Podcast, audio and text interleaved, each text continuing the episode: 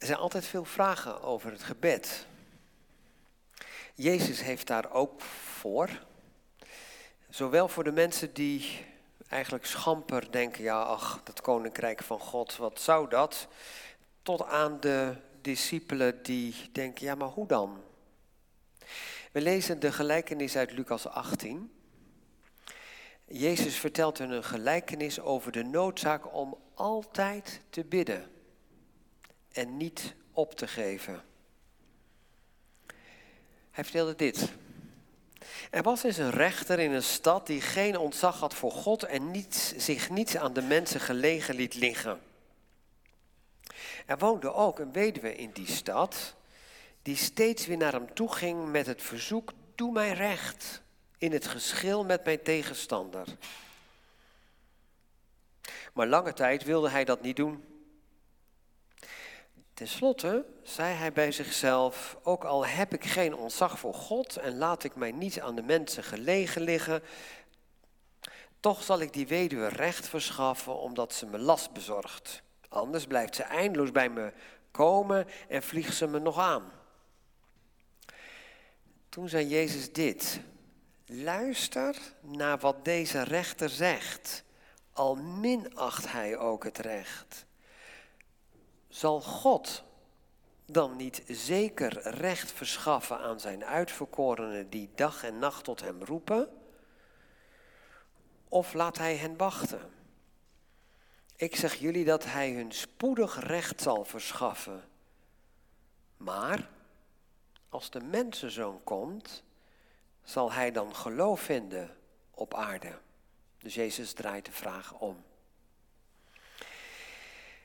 Niet alleen toen Jezus op aarde was, heeft hij over gebed gesproken. Hij laat ook in de openbaring die hij geeft aan Johannes als overwinnaar over macht en dood weten wat er eigenlijk gebeurt met onze gebeden. We lezen uit Openbaring 8, vers 1 tot 5. Johannes ziet in de hemel, hij ziet daar het lam van God. Toen het lam het zevende zegel verbrak van die boekrol, alle plannen van God. Als hij dat open doet, viel er een stilte in de hemel gedurende ongeveer een half uur. Ik zag de zeven engelen die voor Gods troon staan. Ze kregen alle zeven een bazuin. Toen kwam er een andere engel, een achtste dus, die met een gouden wierookschaal bij het altaar ging staan. Hij kreeg een grote hoeveelheid wierook om die op het gouden altaar voor de troon te offeren, samen met de gebeden van alle heiligen, samen met de gebeden van alle gelovigen. En de rook van de wierook steeg met de gebeden van de heiligen uit de hand van de engel op naar God. Toen nam de engel de, de wierookschaal, vulde hem met het vuur van het altaar en wierp dat op de aarde. En er volgden donderslagen, groot geraas, bliksemschichten en aardbeving. Tot zover de schriftlezing. Woorden om ter harte te nemen, omdat dat het woord van God is. Want de rook van de wierook steeg met de gebeden van de heiligen uit de hand van de engel op naar God. David uh, wist ook van de tempel, van de troon van God. Alleen die troon van God die zat toen nog achter een gordijn, achter het voorhangsel. Maar hij wist wel dat zijn gebeden eigenlijk waren als een offer aan God. En daarom zegt hij, ja, maar laat dan mijn gebed ook wel een goed gebed zijn. Dat die ook wel bij God aankomen. Nou, uit de liederen blijkt wel dat als het gaat over gebed, het contact met God, die de hemel en de aarde geschapen heeft en ook regeert, wel een hele tere zaak is eigenlijk. Het is ook niet zo verwonderlijk dat dat ook heel veel vragen oproept. Juist ook nu, wanneer wij in een uh, periode leven waarin op ons afkomt dat er in de wereld veel meer strijd en veel meer oorlog en veel meer geweld is dan ons lief is. We hadden heel vaak gedacht in de afgelopen jaren en decennia, ja oorlog is er wel, maar is ver bij ons bed vandaan. We hadden nooit meer gedacht dat er nog een keer oorlog zou komen in Europa. We dachten nou, die Russen worden ook nooit wel eens een keer zoals wij. En dan gaat het heel goed in de wereld. Met een beetje handel drijven, een beetje aardig zijn voor elkaar, dan krijgen we dat er wel onder. En nu blijkt, des te meer, dat er dingen in de wereld gaande zijn, een geestelijke strijd, die daar lang en lang bovenuit gaan. Dat er helemaal geen reden is tot optimisme. We worden wakker geschud. En gaan ons opnieuw bezinnen van hoe zit het eigenlijk in elkaar? In wat voor wereld leven we? De wereld is dus blijkbaar dus echt een strijdtoneel waarin het koninkrijk van God zich baan breekt, maar net dat dat koninkrijk van God dichterbij gekomen is en Jezus Christus al de vervulling is van Gods belofte, betekent dan nog niet dat de strijd gestreden is. Integendeel, de strijd gaat voort. En het is heel belangrijk dat de kerk van Jezus Christus dat ook weet, want de apostel Johannes, als die zich afvraagt, hoe gaat het nu eigenlijk verder met de kerk? Wat is onze toekomst? Wat hebben we te verwachten? Dat Jezus Christus daarop antwoordt met de openbaring die hij geeft, waarin hele straminen worden duidelijk gemaakt die er zijn tussen hemelvaart en wederkomst van Jezus Christus. En dat hij dan iets gaat openbaren, iets uit de doeken gaat doen om ons duidelijk te maken dat er alle reden is om vast te houden aan de belofte en vast te houden aan het feit dat Jezus Christus overwinnaar is. Midden in de strijd is er hoop en is er toekomst. Dan geeft hij dus onderwijs in Openbaring 8 dat nauw aansluit bij wat hij al veel eerder heeft gezegd in de gelijkenis van Lucas 18. Jezus is op aarde en hij leert over het koninkrijk van God. En voorafgaand aan deze gelijkenis uit Lucas 18 zijn de fariseeën die geloven er niets van. Die zijn dus heel schamper over wat Jezus dan teweeg zal kunnen brengen. Maar ook zijn discipelen hebben heel wat vraagtekens over dat koninkrijk van God. En daarom gaat Jezus ons niet in onzekerheid laten, maar gaat hij deze les leren uit Lucas 18 om de discipelen houvast te geven dat bidden wel degelijk belangrijk is in de komst van Gods koninkrijk. Wij met elkaar, naar aanleiding van vertalingen, hebben deze les van Jezus een hele verkeerde titel gegeven.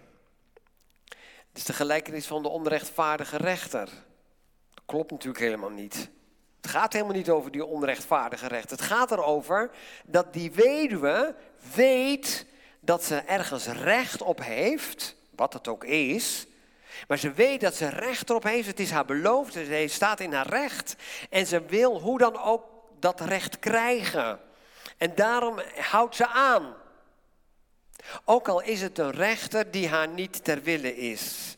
Jezus zegt, kijk naar haar, discipelen, waar je, wanneer je ook bent. Het gaat erom dat je voortdurend in contact bent met mijn Vader in de hemel. En geef niet op op het moment dat je denkt, ja, maar nu zien we nog niet de vervulling daarvan. Het lijkt wel alsof het heel lang duurt voordat God gaat reageren op ons gebed. Dan kunnen we het gevoel krijgen, het gevoel krijgen, dat God lijkt op een onrechtvaardige rechter die willekeurig handelt, die eigenlijk niet echt goed luistert. En ook niet helpt uh, als wij het nodig hebben, maar gewoon helpt als hij er wel of geen zin in heeft. Nee, zegt Jezus. Hij is geen onrechtvaardige rechter. Hij is niet zoals die man Die conclusie mag je nooit trekken op het moment dat je denkt, ja maar waar is nou de vervulling van mijn gebed? Hoe gaat God daar nu op antwoorden? Het kan zijn dat de klok van God anders tikt dan de onze. Het kan zijn dat je langer op verhoring moet wachten dan je had verwacht. Maar onthoud dit. Zal God dan geen recht doen aan zijn uitverkorenen, die dag en nacht tot hem roepen, ook al lijkt het alsof hij ons lang laat wachten? Is een retorische vraag. Natuurlijk. Natuurlijk doet God dat. Twijfel er niet aan of God betrouwbaar is. Denk eerder andersom. Zijn wij zo trouw in het gebed?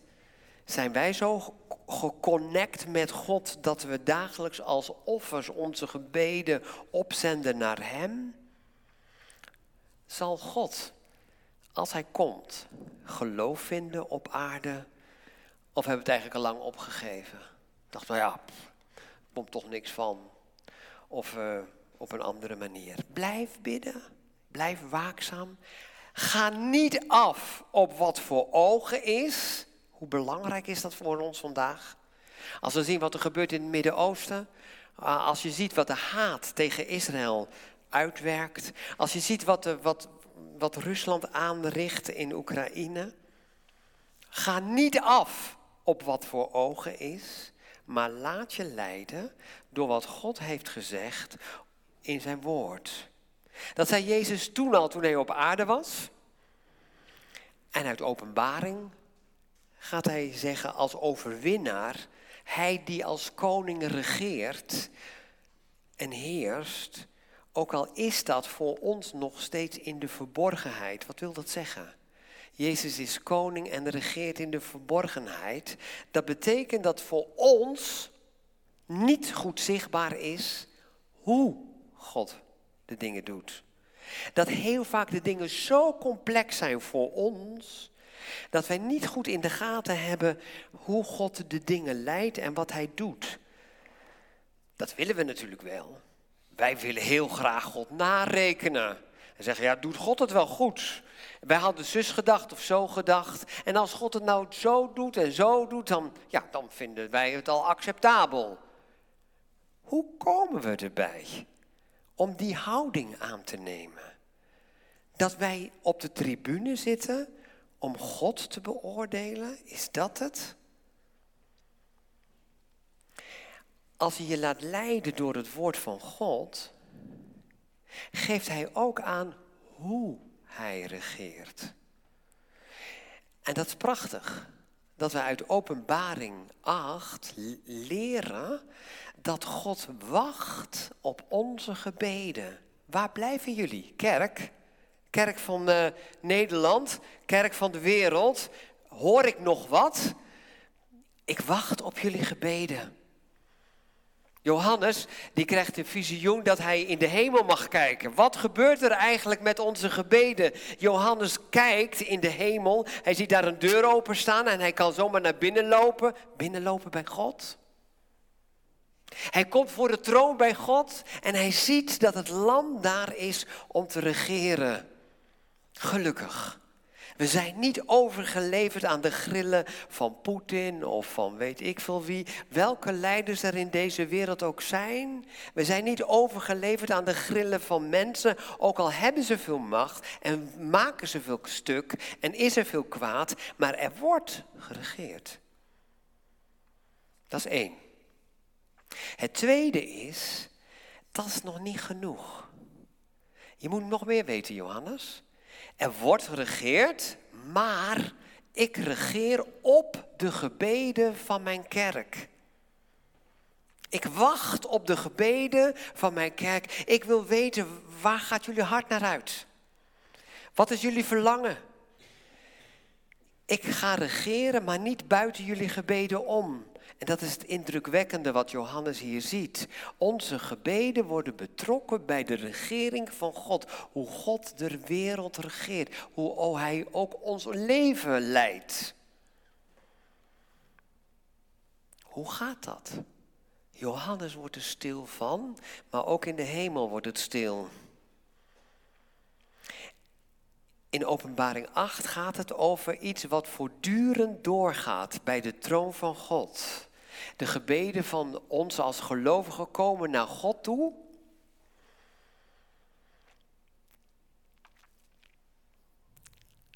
En dan wordt het stil in de hemel. Een half uur lang. Wat wil dat zeggen? Nou, dat God aandacht heeft voor wat wij vanuit ons verlangen bij God neerleggen. Hij wordt er stil van. Hij heeft er dus echte aandacht voor. Nou jongens en meisjes, het is dus echt wel wat anders hè. Dat als je iets tegen je vader of je moeder zegt. Dat je denkt, hè? Luistert u eigenlijk wel? Of bent u veel te druk bezig met andere dingen? Ja, snap ik wel of zo, maar ik wil nu echt even uw aandacht. In mijn eigen gemeente, uh, toen ik daarover had, toen zei een van de kinderen: uh, Ja, uh, of zit mijn vader wel te kemen? Ja, zo gaat het met aardse vaders. Hè. Die hebben andere dingen aan hun hoofd. Of het noodzakelijk is of niet noodzakelijk, maar ze denken aan andere dingen. Heb, heb je aandacht? Dat overkomt je bij God niet hoor. God heeft er aandacht voor. En in die, in die stilte, als die engelen om de troon van God staan en ze krijgen allemaal een bazuin, wachten ze wat er gaat gebeuren. Is dat stilte voor de storm? Of eigenlijk omdat het een voortdurend proces is waar het hier over gaat. Stilte in de storm. Wat ik daarmee bedoel, is dat er straks als die bazuinen, die signalen over de wereld gaan, die mensen tot nadenken moet stemmen, is er dan in die enorme orkanen en bliksemen en narigheid die er over de wereld gaat. Is er dan ook nog rust? Is er dan nog stilte? Ja, er is stilte in de storm. Een half uur lang. Als een orkaan meemaakt, weten we niet echt goed hè. Maar als je een orkaan meemaakt, dan is het om de orkaan, die maakt een enorme uh, herrie en, en, en een enorme windstroom. Maar in het oog van de orkaan is het stil. Er is nauwelijks windstilheid, de stilte. Zo is eigenlijk dit in dit hemelse gebeuren ook. Er is stilte bij de troon van God, terwijl er van alles, werkelijk van alles op de wereld gebeurt. God zit op de troon hij regeert vanuit de rust en vanuit de stilte. God wordt er niet onrustig van, van wat er allemaal in de wereld gebeurt. Hij heeft het nog steeds in handen. En Johannes ziet dat die gebeden van ons als gelovigen worden verzameld in een hele grote schaal. Verzameld. Dat betekent, God is er zuinig op. God laat er niet één ter aarde vallen en denken, nou ja, dat is ook maar een gebed en ik heb wel andere dingen aan mijn hoofd. Nee, het wordt verzameld en die, die, die, die, die schaal, die gouden schaal met al die gebeden, daar wordt iets mee gedaan. Er komt een achtste engel, die geeft de wierook, die, heel veel wierook wordt daarbij gedaan. Dat is eigenlijk gomhars, hè? dat verbrand werd en een heerlijke geur geeft. Dat was bekend in de tempel, zo ging dat ook daadwerkelijk. En het heeft symboliseerd de heiliging en de aanbidding van God. Daarom hebben we net ook geluisterd naar Psalm 141, dat David zegt, ja, laten mijn gebeden en mijn handen gericht zijn tot u. En laat het zijn als een offer die s'avonds tot u brandt. En telkens maar weer u eigenlijk bewierookt.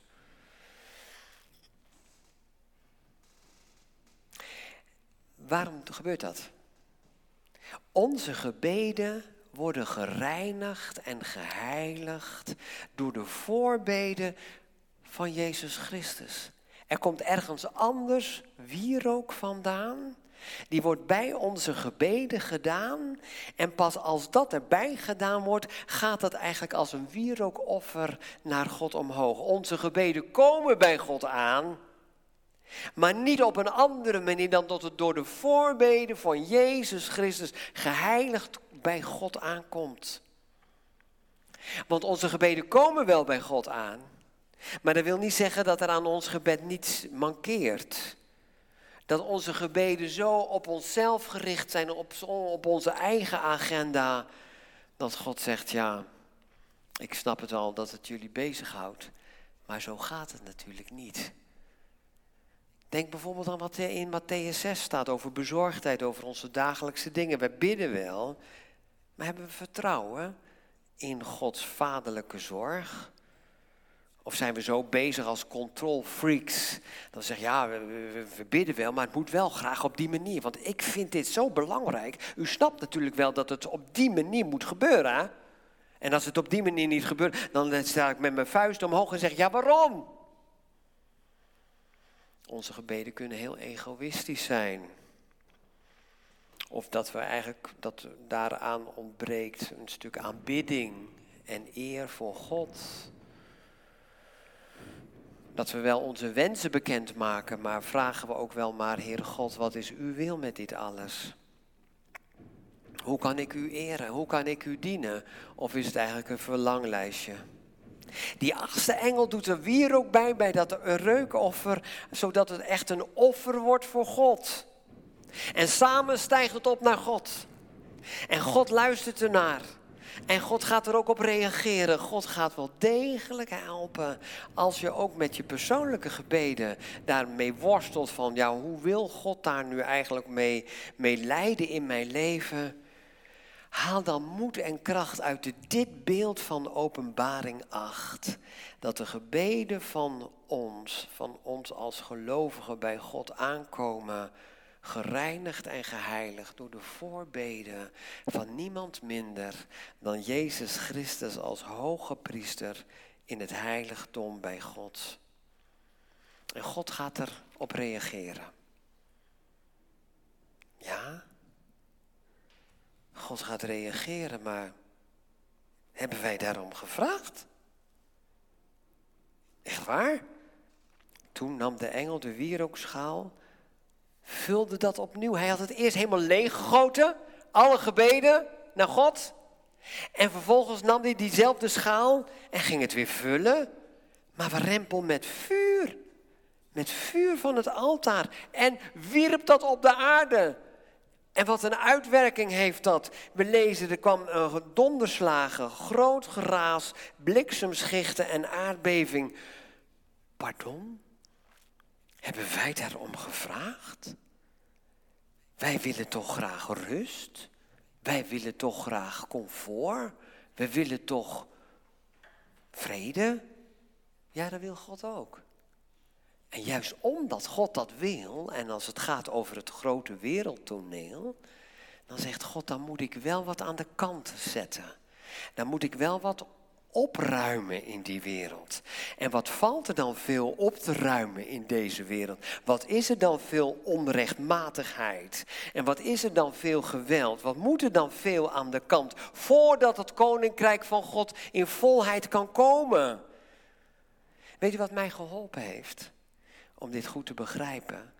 Dat als je ziet wat dit uitwerkt, dat dat heel erg lijkt op twee druppels water op de gebeden van het volk Israël in Egypte. Zij baden om verlossing. Help ons, Heere God. Verlos ons van deze slavernij. Haal ons uit deze hel weg.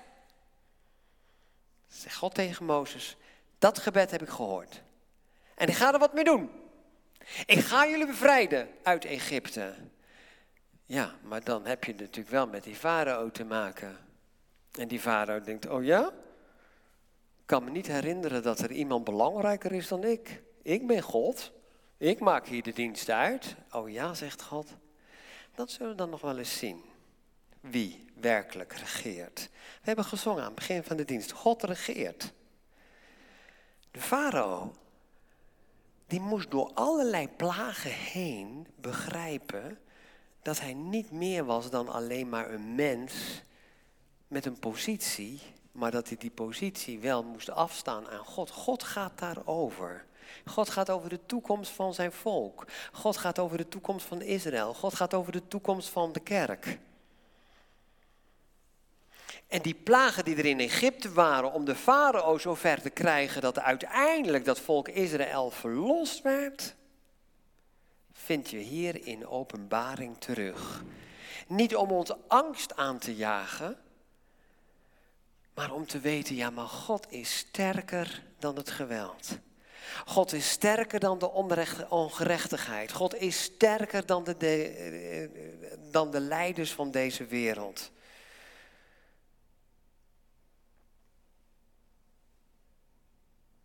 Ja.